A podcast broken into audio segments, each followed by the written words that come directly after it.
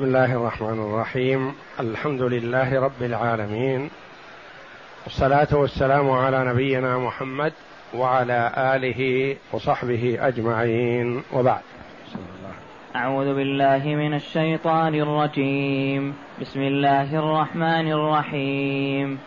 إنما التوبة على الله للذين يعملون السوء بجهالة ثم يتوبون من قريب. ثم يتوبون من قريب فأولئك يتوب الله عليهم وكان الله عليما حكيما. وليست التوبة للذين يعملون السيئات حتى إذا حضر أحدهم الموت قال إني تبت الآن. ولا الذين يموتون وهم كفار أولئك اعتدنا لهم عذابا أليما. هاتان الآيتان الكريمتان من سورة النساء. جاءتا بعد قوله جل وعلا واللذان يأتيانها منكم فآذوهما فإن تابا وأصلحا فأعرضوا عنهما إن الله كان توابا رحيما. إن الله كان توابا رحيما. إنما التوبة على الله للذين يعملون السوء بجهالة ثم يتوبون من قريب. الآيتين. قال في ختام الآية السابقة فأعرضوا عنهما إن الله كان توابا رحيما. يفهم من هذه أن الله جل وعلا يقبل توبة العبد. تواب كثير التوبة رحيم بعبادة وأن التوبة مقبولة مطلقا وليس الأمر كذلك بل لها شروط. فبين جل وعلا أن التوبة قد تقبل وقد لا تقبل. متى تقبل ومتى لا تقبل؟ في هاتين الآيتين. إنما التوبة على الله للذين يعملون السوء بجهالة ثم يتوبون من قريب. فأولئك يتوب الله عليهم وكان الله عليما حكيما. انظر إلى حسن الختام الآية. إن الله كان إن وكان الله عليما حكيما. إنما التوبة على الله للذين يعملون السوء بجهالة. يقول ابن عباس رضي الله عنهما كل من عصى الله فهو جاهل. فهو حين المعصية جاهل لا شك. ايا كان كبيرا كان أو صغيرا. وإلا تصرف عني كيدهن أصبو إليهن وأكن من الجاهلين. إذ أنتم يقول يوسف لإخوته إذ أنتم جاهلون. فالواقع في المعصية كبيرا كان أو صغيرا هو جاهل. حال وقوعه في المعصية جاهل لأنه لولا جهله ما وقع في المعصية. الله جل وعلا لا يستحق أن يعصى. لكن ما وقع في المعصية إلا لجهله. فليس المراد والله أعلم أنه يجهل أنها معصية. لا هو يعرف متعمد. لكن حينما وقع في المعصية ما وقع فيها إلا لجهله. إنما التوبة على الله وقيل قيل على هذه بمعنى إنما التوبة عند الله أو من الله أو على الله بمعنى جعلها جل وعلا على نفسه. وإلا فالله جل وعلا لا يجب عليه عقلا نحو خلقه شيء. لا يسأل عما يفعل وهم يسألون. فلا يقال هذا واجب على الله وإنما الله جل وعلا أوجب هذا على نفسه تفضلا وإحسانا ورحمة. وإلا لو عذب جميع خلقه لعذبهم وهو غير ظالم لهم. إنما التوبة على الله لمن؟ للذين يعملون السوء بجهالة. هذا هو الخبر. إنما التوبة إنما كافة ومكفوفة اداه حصر. والتوبة مبتدأ. للذين يعملون السوء بجهالة هذا هو الخبر متعلق محذوف يعملون السوء بجهالة يعني لجهلهم. وليس المراد والله أعلم أنه يعمل السوء ولا يدري أنه سوء. وإنما يعمل متعمدا. لكن ما فعل هذا العمد إلا لجهله. بجهالة ثم يتوبون من قريب. بعد بعد المعصية يتوبون. ما المراد بالقريب؟ يعني بعد الوقوع بالمعصية مباشرة أو بعد يوم أو بعد شهر أو بعد سنة لا. قيل بأقوال عدة لكن الصحيح والله أعلم من تاب قبل الموت فقد تاب من قريب. وقد تكاثرت النقول عن السلف رحمة الله عليهم أن من تاب قبل الغرغرة فإن الله جل وعلا يقبل توبته. وهذا هو القريب. يعني كل الدنيا قريب. كل عمر الإنسان قريب. إذا تاب قبل موته قبل أن يعاين ملائكة العذاب أو قبل أن يعاين ملك الموت تقبل التوبة. أما إذا عاين ملك الموت فإنه حينئذ يسد باب التوبة عنه لأنه يكون غرغر. يقبل الله جل وعلا توبة العبد ما لم يغرغر يعني تكون الروح في الحلقوم. مثل شفة الماء إذا جعلها في حلقه يغرغر بها. فالروح ارتفعت تصعد تريد أن تخرج. لكن ما خرجت هي في الحلقوم. هذا إذا تاب هذا الوقت ما فيها ما تنفع توبته. لأن مثل توبة فرعون لما قال آمنت أنه لا إله إلا الذي آمنت به بنو إسرائيل. قيل له آه الآن وقد عصيت قبل وكنت من المفسدين؟ لا الحين ما تنفعك التوبة. تنفع التوبة ما لم يعاين ملك الموت ما لم تصل الروح إلى الحلقوم. وبالنسبة لآخر الزمان ما لم تطلع الشمس من مغربها فإذا طلعت الشمس من مغربها فلا تقبل توبة العبد وإن كان صحيحا قويا. ثم يتوبون من قريب فأولئك يتوب الله عليهم. هؤلاء لهم حق في التوبة. الله جل وعلا وعدهم وهو لا يخلف وعده. الله جل وعلا إذا وعد لا يخلف وعده. فهو كريم جواد. فأولئك يتوب الله عليهم. يغفر لهم ذنوبهم. وكان الله عليما حكيما. انتبه. عليم. يعلم من تاب بصدق. ممن هو يقول بلسانه تائب وهو كاذب.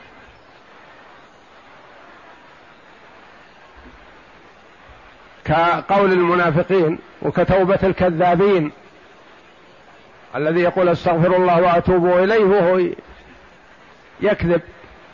ما تاب ولا أناب. وكان الله عليما بما في بواطن الأمور وبما في القلوب. حكيما يضع الأشياء مواضعها. يتوب على من يستحق التوبة ويعفو عن من يستحق العفو. أما من لا يستحق التوبة فلا يتوب عليه ومن لا يستحق العفو لا يعفو عنه. أما المخلوق فقد يتصرف أحيانا تصرفا بغير حكمة.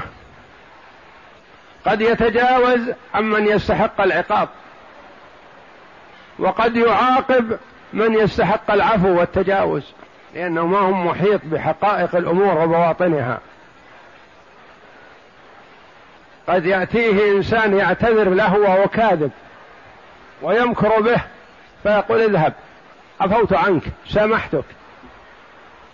وقد يأتيه إنسان صادق يطلب المسامحة والعفو.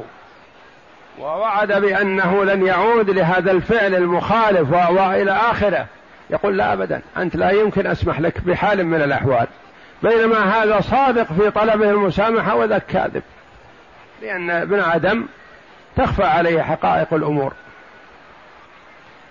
أما الله جل وعلا فهو عليم واسع العلم. سبحانه وتعالى يطلع على كل شيء. حكيم يضع الأشياء مواضعها. والتوبة واجبة على كل مسلم من أي ذنب اقترفه. وتوبوا إلى الله جميعا أيها المؤمنون. الله جل وعلا أمر بالتوبة الجميع ويجب على المرء المبادرة بالتوبة. هل يصح أن يتوب من ذنب وتصح توبته ولا يتوب من ذنب آخر. أهل السنة والجماعة على أنه يصح أن يتوب من ذنب وإن لم يتب من الذنب الآخر. واقع في الربا والزنا مثلا. تاب من الزنا وأناب واستغفر والربا ما تاب منه. هل تصح توبته من الزنا؟ نعم تصح. تاب من شرب الخمر ولم يتب من شرب الدخان مثلا. تصح توبته من شرب الخمر؟ تصح. بخلاف المعتزلة وهم يقولون لا تصح توبة عبد ما لم يتب من جميع الذنوب. أما إذا تاب من بعضها ولم يتب من البعض فهو خالد مخلد في النار إذا مات. فأولئك يتوب الله عليهم وكان الله عليما حكيما. والأحاديث في الحث على التوبة والترغيب فيها والمبادرة والإسراع لأن الإنسان ما يدري ما يعرض له. قد يسوف لنفسه فيموت بدون توبة. قد يقع في الذنب وهو يريد أن يتوب لكن يباغته الأجل قبل أن يتوب. فالواجب على المسلم المبادرة وعدم الإمهال والتسويف. بعض الناس يقول مثلا إن شاء الله إذا جاء رمضان أنا أتوب. إن شاء الله هذه السنة أحج وأتوب. إن شاء الله هذا بعد شهر أو شهرين أعتمر وأتوب. نقول لا ما يسوغ لك ذلك ولا يسوغ لك التسويف في التوبة وإنما بادر بالتوبة أينما كنت. واتب العمل الصالح فيما بعد ما ينافي. لكن لا تؤجل توبتك على لأن هذا من عدم المبالاة. قد يباغتك الأجل وأنت لم تصل إلى الحد الذي حددته لتوبتك. فيبادر المسلم بالتوبة ولا يمهل. ثم قال جل وعلا عن الصنف الآخر الذين ليس لهم نصيب في التوبة صنفان. ولذا قال بعض السلف الصنف الأول في المؤمنين إنما التوبة على الله للذين يعملون السوء بجهالة ثم يتوبون من قريب. فأولئك يتوب الله عليهم. هذه في المؤمنين. وليست التوبة للذين يعملون السيئات حتى إذا حضر أحدهم الموت قال إني تبت الآن ولا الذين يموتون هم كفار. قال إني تبت الآن. هذه في المنافقين. ولا في الذين يموتون وهم كف ولا الذين يموتون وهم كفار. قال هذه في الكفار. فالصنف الأول في المسلمين المؤمنين الذين يتوبون إلى الله عن صدق. وليست التوبة للذين يعملون السيئات يكررون ويتابعون عمل السيئات. حتى إذا حضر أحدهم الموت قال إني تبت الآن. حضر الموت يعني شافه رآه أبصره رأى ملك الموت. ما ينفعه التوبة حينئذ. حتى إذا حضر أحدهم الموت قال إني تبت الآن. الصنف الثالث ولا الذين يموتون وهم كفار. يموت كافر ثم في يوم القيامة يقول أطلب من ربي العفو والمغفرة أنا تائب إلى الله. لو ردني إلى الدنيا لعملت صالحا فأنا تائب. هذا لا نصيب له في التوبة ولا حظ. فصنفان ليس لهما حظ في التوبة. من يستمر في المعصية حتى يموت عليها والعياذ بالله يموت سكران يموت وهو زاني ومستمر ومنهمك في الزنا يموت وهو في المعصية هذا إن كان على التوحيد فهو تحت المشيئة. ما يقال محروم احذر أن تقول إنه محروم من العفو؟ لا. لكنه ما تاب لكنه تحت المشيئة. فالمسلم إذا مات على الذنب يكون تحت المشيئة. إن شاء جل وعلا غفر له وإن شاء لم يغفر له. وأما الذي يموت كافرا فهذا قد أخبر الله جل وعلا أنه لا يغفر له. إن الله لا يغفر ان يشرك به. ويغفر ما دون ذلك لمن يشاء. ما المراد بقوله تعالى ما دون ذلك؟ يعني ما دون الشرك الزنا والسرقة وشرب الخمر وعقوق الوالدين وجميع الكبائر دون الشرك. الشرك إذا مات عليه هذا لا يغفر له. ما دون الشرك إن تاب منه في الدنيا وإن كان الشرك فالله يتوب عليه. حتى الشرك الذي هو أكبر الكبائر إذا تاب منه في الدنيا تاب الله عليه لأن كثير من الصحابة رضي الله عنهم كانوا مشركين قبل بعثة محمد صلى الله عليه وسلم. فهداهم الله للإسلام والإيمان بمحمد صلى الله عليه وسلم فصاروا خيار القرون وخيار الأمة. لكن إذا مات على الكبيرة هذا تحت المشيئة. مات على الشرك لا يقال هذا غير مغفور له. مات على الكفر لا يغفر له. مات على الكبيرة يصلي ويصوم لكنه يسرق أو يزني أو يشرب الخمر أو يحلف أيمانا كاذبة أو يأكل الربا. ونحو ذلك هؤلاء يقال عنهم تحت المشيئة. منين أتوا بهذه الكلمة تحت المشيئة؟ من قوله تعالى ويغفر ما دون ذلك لمن يشاء. لمن يشاء. إن شاء جل وعلا غفر له وإن شاء لم يغفر له. مثلا اثنان عملا كبيرة من كبائر الذنوب زنيا وأحدهم شاء الله جل وعلا أن يغفر له لأنه له أعمال صالحة جليلة أخرى فغفر الله له أو أنه صاحب إحسان أو مروءة أو يتعدى نفعه للمسلمين فالله جل وعلا تجاوز عن كبيرته لأعماله الصالحة. الآخر ما شاء جل وعلا أن يغفر له عامله بعدله فيعاقبه في النار ثم إن كان مات على الإسلام فمعاله إلى الجنة. لأن عصاة الموحدين يدخلون النار إذا شاء الله جل وعلا وإذا شاء المغفرة لهم غفر لهم. والنار نار المسلمين والموحدين دون نار الكفار المشركين المخلدين فيها هؤلاء يعذبون ثم يخرجون إلى الجنة من مات على الإسلام. أما أما من مات على الكفر فإنه خالد مخلد في النار والعياذ بالله.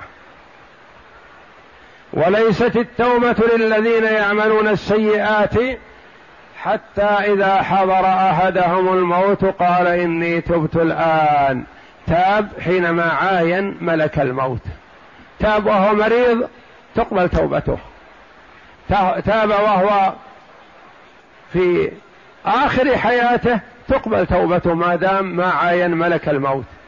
لأنه ما يعاين ملك الموت إلا إذا خلص انتهى. وإذا غرغر يعني ارتفعت الروح إلى الحلقوم. هذا ما تنفعه توبة. الصنف الثالث ولا الذين يموتون وهم كفار. ففي هاتين الآيتين تفصيل لما أجمل في قوله وكان الله غفورا رحيما وكان الله توابا رحيما. تواب لكن لمن يستحق فهو يضع الأشياء جل وعلا مواضعها. ففهمنا من هذا أن التوبة صحيحة ممن تاب قبل أن يعاين ملك الموت. ومقبولة بإذن الله. أن التوبة غير مقبولة لمن عاين ملك الموت. أن التوبة غير مقبولة في الآخرة لمن مات على الكفر. بسم الله اقرا يقول سبحانه إنما يقبل الله التوبة ممن عمل السوء بجهالة ثم يتوب قبل الغرغرة. قال مجاهد رحمه الله كل من عصى الله خطأ أو عمدا فهو جاهل حتى ينزع عن الذنب. وقال قتادة كان أصحاب رسول الله صلى الله عليه وسلم يقولون كل ذنب أصابه عبد فهو جهالة. وقال ابن عباس رضي الله عنهما ثم يتوبون من قريب قال ما بينه وبين أن ينظر إلى ملك الموت وقال الضحاك ما كان دون الموت فهو قريب وقال قتادة كان قبل الموت وهو قريب يعني كل مدة الحياة مجال للتوبة برحمة الله وفضله على عباده. نعم. وقال السدي ما دام في صحته وقال الحسن البصري ثم يتوبون من قريب أي ما لم يغرغر. وذكر الأحاديث في ذلك قال الإمام أحمد رحمه الله عن ابن عمر عن النبي صلى الله عليه وسلم قال إنما يقبل الله إنما إن الله يقبل توبة العبد ما لم يغرغر. وقال ابن مردويه عن عبد الله بن عمر رضي الله عنهما قال سمعت رسول الله صلى الله عليه وسلم يقول ما من عبد يؤمن مؤمن يتوب قبل الموت بشهر إلا قبل الله منه أدنى من ذلك. قبل وقبل موته بيوم وساعة لم يعلم الله منه التوبة والإخلاص إليه إلا قبل إلا قبل منه. وقال أبو داود الطيالسي عن عبد الله بن عمر رضي الله عنهما يقول من تاب قبل موته بعام تيب عليه ومن تاب قبل موته بشهر تيب عليه ومن تاب قبل موته بجمعة تيب عليه ومن تاب قبل موته بيوم تيب عليه ومن تاب قبل موته بساعة تيب عليه فقلت له إنما الله إنما قال الله إنما جمعة المراد أسبوع يعني قبل موته بأسبوع ويوم وساعة. ما دام قبل الموت قبل أن يعاين ملك الموت فالله جل وعلا جواد كريم يتوب على عبده. نعم. فقلت له إنما قال الله تعالى إنما التوبة على الله للذين يعملون السوء بجهالة ثم يتوبون من قريب. يعني كيف يقبل من توبة قبل موته بيوم والله جل وعلا يقول ثم يتوبون من قريب؟ نعم. فقال إنما أحدثك بما سمعته من رسول الله صلى الله عليه وسلم. قال أبو بكر بن مردوي عن أبي هريرة رضي الله عنه قال قال قال قال رسول الله صلى الله عليه وسلم إن الله يقبل توبة عبده ما لم يغرغر والله أعلم وصلى الله وسلم وبارك على عبده ورسول نبينا محمد وعلى آله وصحبه أجمعين.